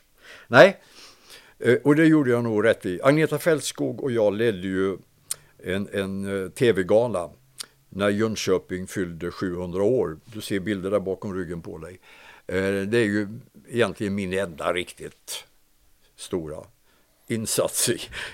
När jag fick frågan av Sten Previn som var tv-chef i Göteborg, väldigt duktig, mycket trevlig och oerhört betydelsefull för, för svensk tv. Det var ju Sten som startade Godmorgon Sverige med Hyland och sedan med Fredrik Belfrag och det var Sten som drog igång På spåret, Ingvars idé. Ehm, jag kommer ihåg när Sten kallade upp mig i tv-huset vid Delsjön och sa vi måste fundera lite på nästa år och sådär. Är du intresserad? Men eh, det var jag inte. Jag hade, jag intresserad hade, av vad då? Att, att, att uh, göra underhållning. Men jag hade redan tänkt igenom det och bestämt mig för att inte... För jag såg också, dels var ju Ingvar, Fredrik och många andra, de var ju så oerhört skickliga. Och där insåg jag min begränsning. Mycket klokt. Du ska inte eh, skriva på för Liverpool om inte du platsar. Nej, det var ett klokt beslut. Du har inte deltagit i så många sådana här nöjesprogram heller vad jag vet. Sara Sjöström lurade in mig i Alla mot alla. Ehm, det var jätteroligt. Men jag kommer inte ihåg, vi gick sju matcher, jag kommer inte ihåg hur många vi vann. Det är inget uh, Let's Dance eller? Nej, nej, nej, nej, nej. Har frågan funnits? Nej, nej. De behöver inte ställa den. Nej. nej, men jag älskar ju frågesport, men jag vill vara den som ställer frågorna. Vi har ju lite olika tv-idéer nu i vårt företag och i en del andra produktionsbolag. Jag älskar ju, jag är uppväxt med Ingvar På spåret, eh, frågesport, jag, jag tycker det är jätteroligt. Quiz. Eh, men då vill jag ju hellre inte tävla utan jag vill ju ställa frågorna. Så att vara deltagare på På spåret? Eh, nej, det, ehm, då måste jag ha någon riktigt duktig tjej där med. Nej, jag har väldigt mycket vita eh, fläckar och eh, jag är inte bra på musik. Jag var ju med nu i, i den här kanalen Rockklassiker, eh, i ett jätteroligt program, engelsk fotbollsshow, 90 minuter plus tilläggstid. Och eh, bara där, alltså all den här musiken där, jag hade ju ingen koll. Eh, Tina Turner, Whitney Houston, eh, Philipson, Philipsson, ABBA. Det är ju min musik, men, men eh, massa, nej. Jag är dålig på konst, jag är lite risig på skönlitteratur och sånt där. Jag är allmänbildad men nej, men, men jag kan ställa lite frågor. Vill du ha några quiz så kan du få. eh, nu har du jobbade ju inte längre på SVT. Nej, jag valde ju att um, dels trappa ner eh, när vi tappade de olympiska rättigheterna eh, efter London 2012 så valde jag att trappa ner. Jag släppte hockeyn först. Vi hade inte VM-hockeyn då. Ehm, jag var nöjd med fotbollskommenterandet efter EM i Frankrike. Jag ville inte åka till Ryssland 2018. Hade VM 2018 gått i eh, England, då hade jag gärna avslutat med det. Varför vill du inte åka till Ryssland? Nej, jag gillar inte Ryssland. Och sen ville jag ju själv bestämma när jag slutade så att inte någon kom och sa eh, Lindeborg, eh, det är dags att sluta. Och sen behöll jag simningen och bordtennis och sen gick jag väl över, då var, jag, då, då var det ju så att jag skrev ett avtal eh, så att våra familjeföretag fakturerade. Och sen var jag lite inblandad som mentor, jätteroligt med några av mina kollegor och eh, sen efter VM i simning eh, som Lasse Frölander och Sara och jag kommenterade från Stockholm VM i simning 2018 då eh, sa jag bara att eh, nu är det klart. det, här var, det här var mitt sista. Och då var det egentligen bara Åsa Edlund som är chef sedan flera år tillbaka som visste om att jag tackade för mig. Och det var jätteviktigt för mig att själv bestämma när jag skulle sluta. Problemet i idrotten är ju för många, när ska du sluta? När ska Zlatan sluta? Eh, Många gånger är det skador som gör att en karriär tar slut eller att du inte blir uttagen. Eh, du får inte spela nästa VM. Eh, och jag lyckades med att själv bestämma när jag skulle sluta. Och sen har jag ju så mycket annat som jag vill göra nu så att jag behövde den tiden också. Och sen såg jag också att tv-sportens rättigheter, möjligheter har sedan eh, många, många år tillbaka förändrats och försämrats. Utbudet är inte lika attraktivt, är inte lika motiverande och eh, jag var inte intresserad av att sitta i någon eh, eh, kommentatorsbås och kommentera ishockey, eh, eh, CHL. Nej, jag var nöjd. Mycket tacksam och nöjd. Tacksam och nöjd. Men du håller ju på, du är igång, du har massa, massa grejer för dig. Jag funderar lite på um, vad skulle få dig till att eh, ta ytterligare ett jobb eh, där, som har med, med tv att göra? Finns det något sån där drömjobb? Det här kan jag inte tacka nej till. Ja, möjligtvis att gå in och kommentera en Champions League-match eh, eller Champions League-final. Liverpool mot eh, PSG. Men det skulle kräva lite förberedelser. Men, men eh, som, som jag sa tidigare, att kommentera det är jätteroligt. Det skulle jag kunna göra. Eh, men det skulle ju kräva lite extra jobb alltså. Nej, jag är jättenöjd med det. Ehm, och sen har vi lite tv-idéer. Ehm, så att det, det, är jätteroligt att göra andra grejer också då. Ehm, och sen var det jättebra att jag skrev den där boken och fick idén med elva gästförfattare. Den har ju blivit Eh, uppskattad och eh, det är lite överraskande och, och överväldigande att den har blivit så uppskattad. Första upplagan tog slut på sex veckor. Men det är för att den handlar om idrotten, den väcker minnen.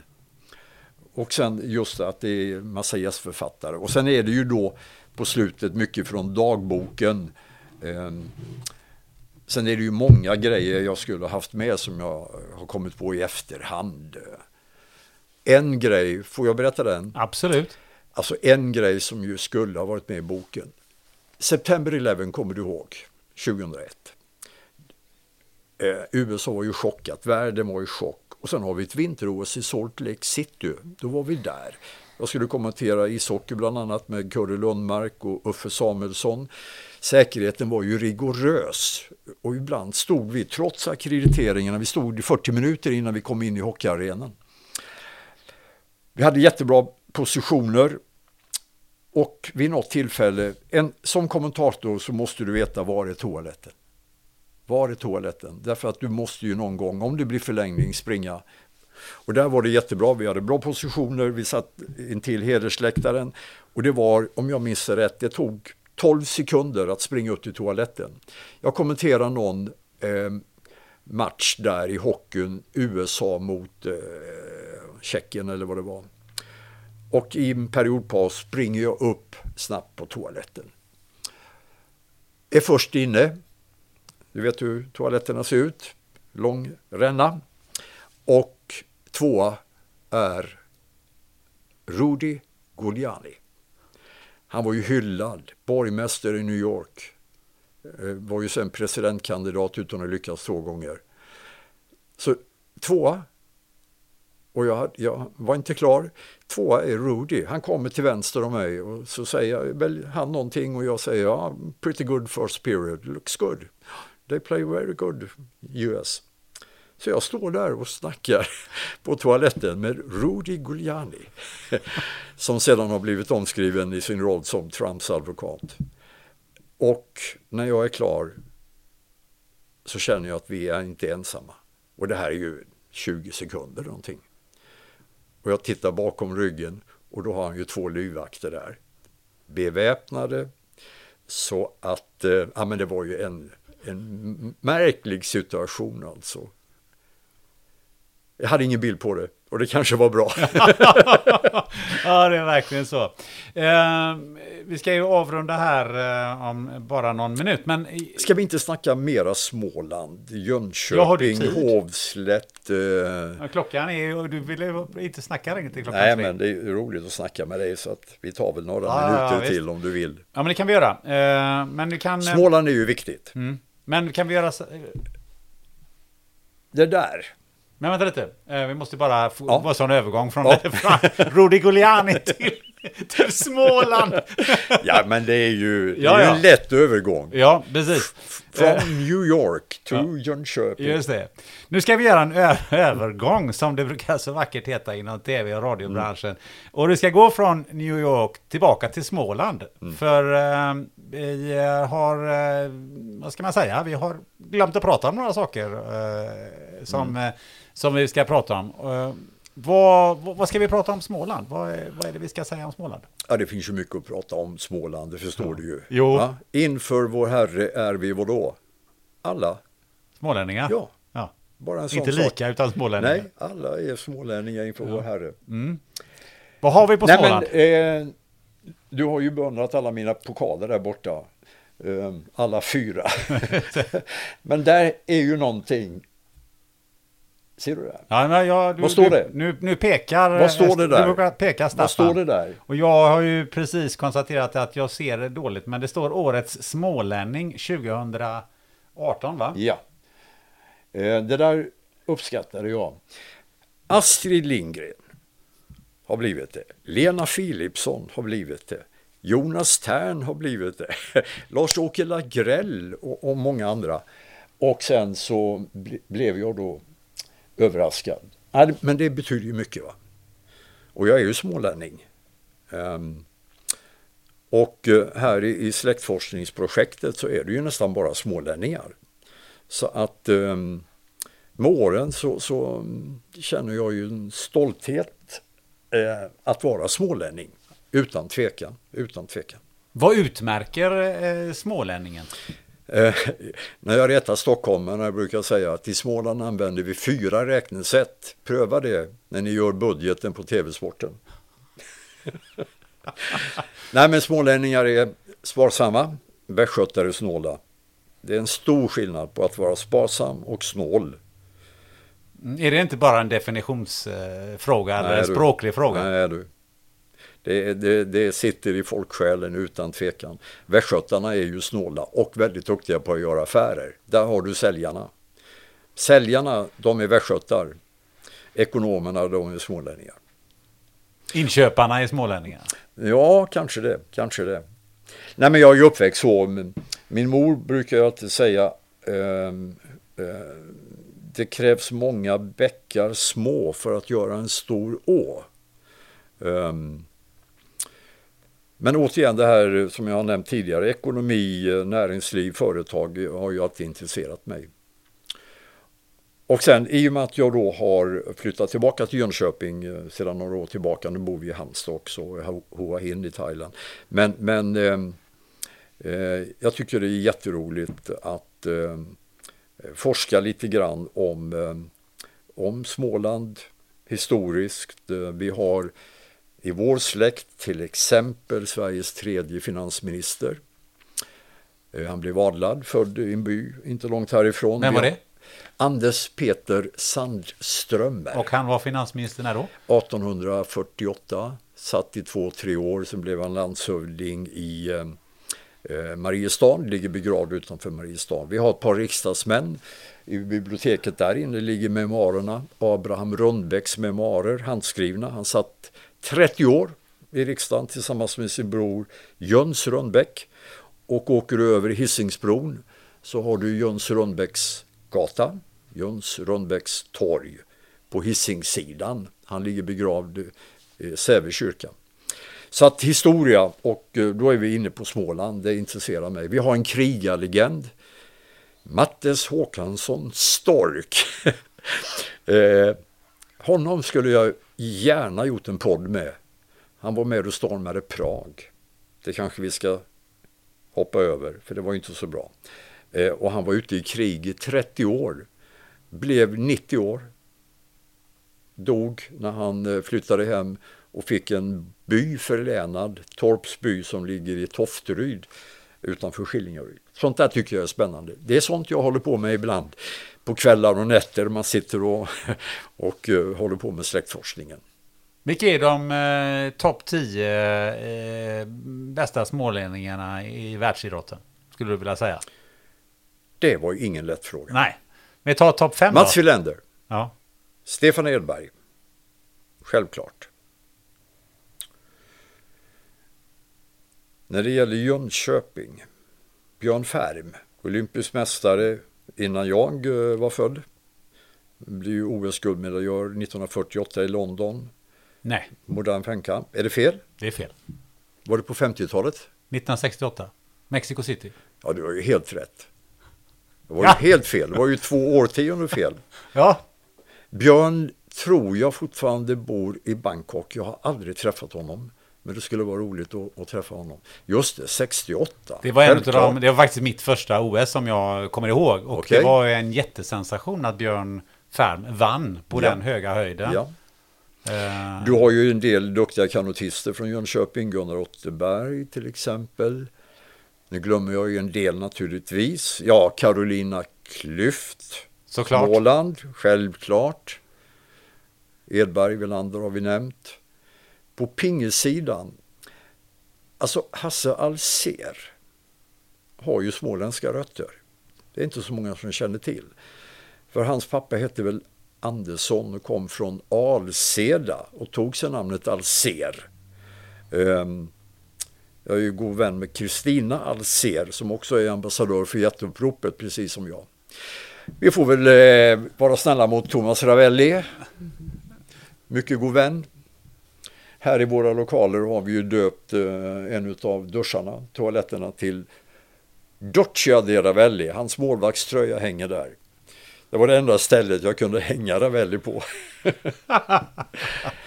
du... Nej men Småland har ju en del framgångar men, men ehm, det är ju många fler naturligtvis. Där du är också är engagerad det är ju hjärtuppropet. Mm. Uh, och uh, Björn Jodland har ju varit gäst i podden tidigare.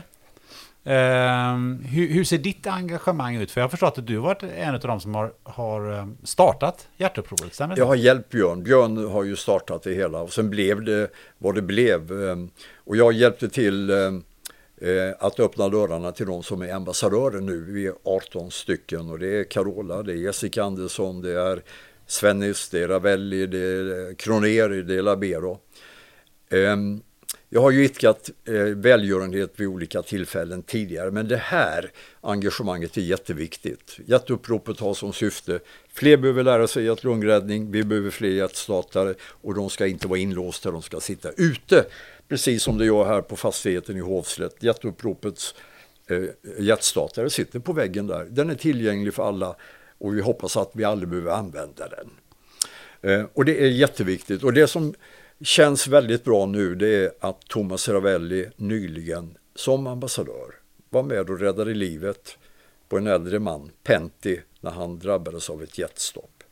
Och hade jag inte ringt Ravelli och sagt att jag tycker du ska bli ambassadör för jätteuppropet så hade Pentti förmodligen inte levt. Och hade Thomas inte gått en annan väg hemma i Mölnlycke eh, så hade förmodligen inte Pentti heller levt. Det är mycket om eh, män där. Och som Ravelli sa i, i intervjuerna efter det här, som var mycket dramatiskt, slumpen slumpen är ingen tillfällighet. ja, det känns jättebra och det här är jätteviktigt. Eh, det finns mycket annat som är viktigt i vårt samhälle men 6 000 människor i Sverige drabbas varje år av plötsliga hjärtstopp. Och det som väckte in, intresset och kunskapen och insikten det var ju det som hände Christian Eriksen i Köpenhamn eh, sommaren 2021 när han föll ihop mitt under matchen Danmark-Finland. Och det var väldigt eh, intressant att träffa läkaren som räddade livet på Christian. Vi gjorde en tv-produktion som fick stor uppmärksamhet i juni. Eh, så jag har lärt mig väldigt mycket om detta. Och jätteuppropet har redan börjat förändra Sverige och det kommer att förändras mycket, mycket mera. Vi har gott om sms-livräddare, inte i hela Sverige, det måste åtgärdas och eh, vi måste se till att eh, fler liv kan räddas. Nu räddade Ravelli och en, en dam som heter Anna Vindevall. Nu räddade de livet på Penti men det kommer inte göras vid fler tillfällen. Är din dröm att eh, hjärtstartare ska vara lika vanligt som en brandsläckare? Ja, men det kommer till att ta år förmodligen innan vi är där. Men eh, Björn, initiativtagaren, är ju inne på det. Och du ser här, det sitter ju brandvarnare här på alla de tre våningarna i huset. Ehm, och brandsläckare har vi. Men det var ju först nu. Det var ju först nu. Jag har inte haft en hjärtstartare i huset förrän eh, i våras. Och jag hade alltså ingen, ingen eh, bra utbildning och ingen medvetenhet innan jag blev uppringd av Björn Jadeland. Nu har jag det. Nej, jag kan inte säga att jag var speciellt medveten heller. Och du har ju placerat eh, hjärtstartaren på ett eh, lämpligt ställe. Ja, den syns. Den syns. Och den är tillgänglig för alla. Den ska sitta utomhus helt enkelt? De ska sitta utomhus. Du, med detta, eh, den här allvarliga biten tänkte jag ändå att nu går vi över till att eh, avrundar lite grann. Och eh, eh jag tänkte bara så att många, eller det finns ju en del eh, idrottsjournalister som startar poddar. Nu sitter ju du i en poddintervju. Mm, mm. Eh, du sa ju att du helst ville ställa eh, frågorna i ett quiz. Mm. Eh, att starta en egen podd, hade det varit något? Nej, jag har tackat nej till det. Jag, jag har inte tid. Jag har inte tid. Um, det är väl roligt, eller vad tycker du? Jag tycker det är fantastiskt kul. Ja. Och jag, jag tänker på When We Were Kings med med Erik Niva som ja. ju kommer varje, varje vecka ja. med initierade eh, fotbollshistorier. Mm. Det är ju väldigt många poddar och det är ju framförallt inom eh, de stora idrotterna, hockeyn till exempel också. Um, och det är ju, medielandskapet förändras ju väldigt mycket.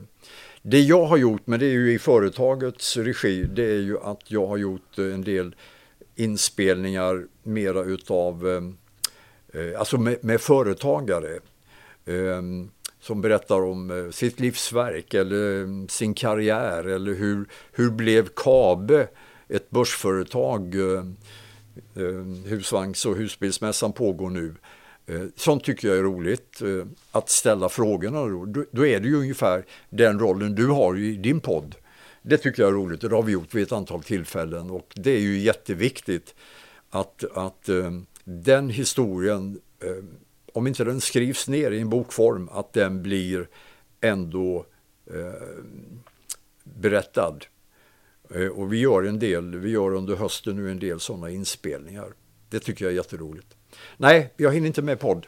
Jag måste ju träna, jag måste träna bordtennis, jag måste träna golf, jag måste gå på gymmet.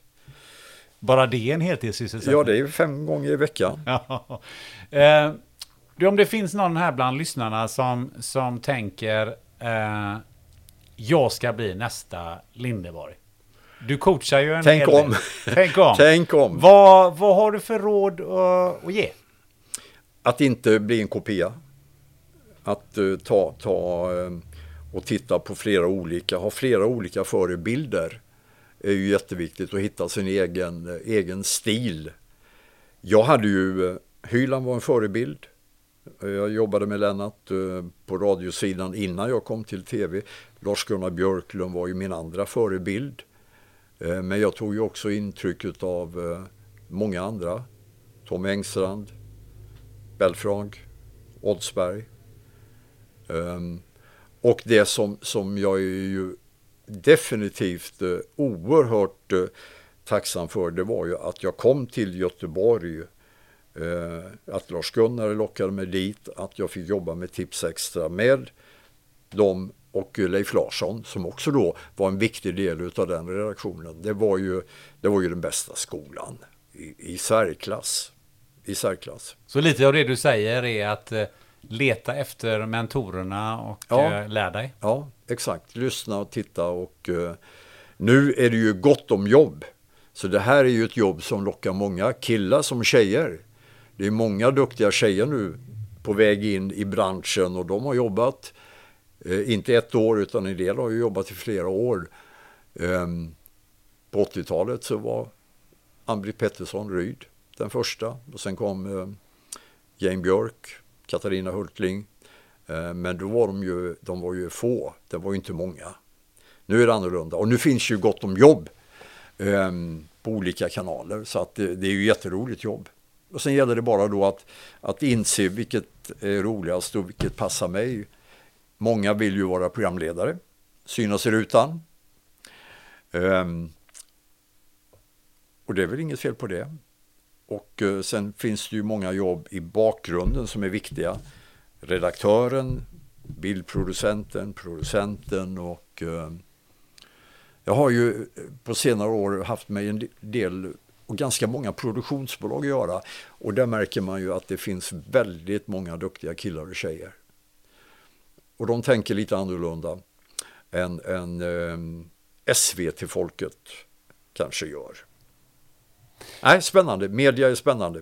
Vi inledde ju med eh, att det är lite ovant för dig att eh, sitta på eh, den sidan av mikrofonen eller mm. att, att, få frågorna. Nu har vi ju suttit här snart i två timmar. Har vi det? Ja, det har vi. Hur, hur, hur har det känts? Jo, men när man väl kommer igång så är det ju, är det ju roligt att sitta och snacka. Det är ju det är alltid roligt att snacka om, om tv och idrott och media. Det är ju så. Det Absolut. känns som du har trivts. Absolut, jätteroligt Gunnar. Ro roligt att träffa dig också. Jag har inte gjort tidigare. Jag fick ju aldrig kommentera dig när du spelade volleyboll. Nej. Du var det... ju aldrig i landslaget. Nej, jag var ju aldrig i landslaget. Du var ju aldrig nej, på OS. Var, nej, precis. Jag var helt enkelt inte tillräckligt bra. det, var, det, var min, det var min chans att starta den här podden för att få träffa dig.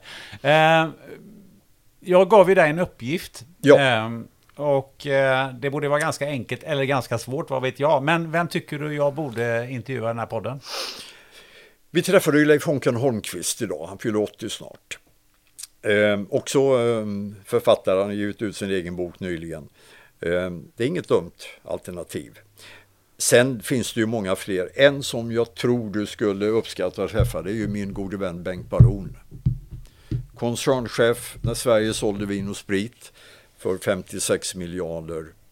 Nu är Bengt inblandad i en del företagsstyrelser. Han är jätteduktig. Han har betytt mycket för mig. Nu är han delaktig i någonting som lanserades veckan, Kunskapsverket.org. Baron har mycket att berätta. Låt honom inte berätta om de två gånger han har slagit mig i tennis bara. Ta inte upp det i så fall. Nej, det finns många. Det ska jag självklart inte göra. Nej, absolut inte. Bengt Baron, Finspång. Mm. Ja, men det var ju bra.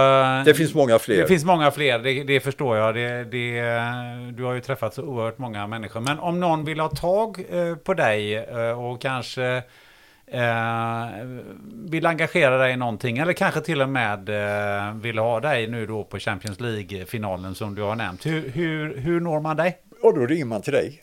Ja, det kan man ju göra. då ringer man dig. Nej, då ringer man mig. Men du har, eh, du har också något, har du en egen webbsida eller? Har nej, du något? nej, vi har inte det. Hur når man dig? Eh, ring Småland. Nej, vi har ju eh, i, i vårt företag då så har vi ju inte ens en egen hemsida. Eh, här i de här lokalerna vi sitter har vi ju idkat medieutbildning och, och ja, liknande i många, många år. Um, men men um, det, finns väl, det finns väl ett telefonnummer som, som ligger på uh, offentligt.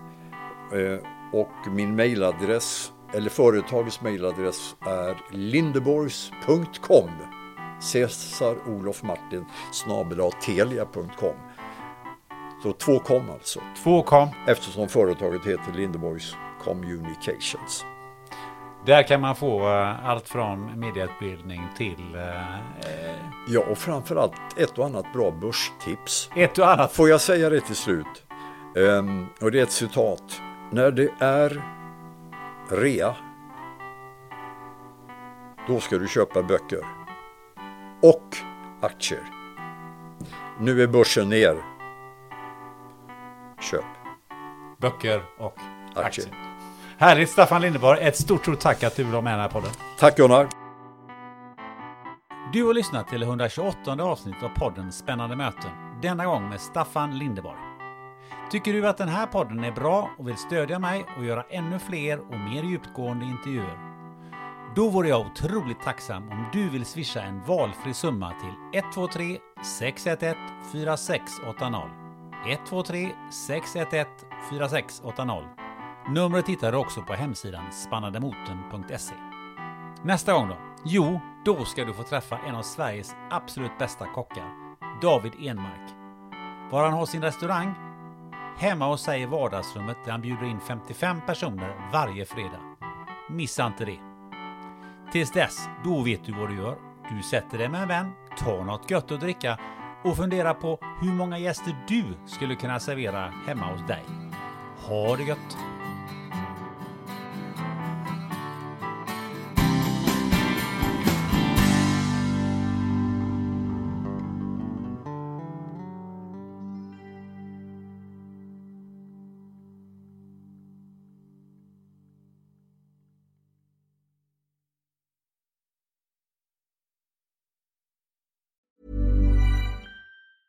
A lot can happen in three years, like a chatbot may be your new best friend. But what won't change? Needing health insurance. United Healthcare Tri Term Medical Plans, underwritten by Golden Rule Insurance Company, offer flexible, budget friendly coverage that lasts nearly three years in some states. Learn more at uh1.com. Planning for your next trip?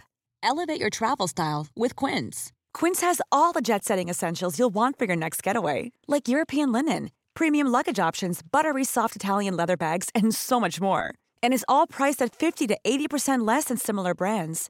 Plus, Quince only works with factories that use safe and ethical manufacturing practices. Pack your bags with high-quality essentials you'll be wearing for vacations to come with Quince. Go to quince.com/pack for free shipping and 365-day returns.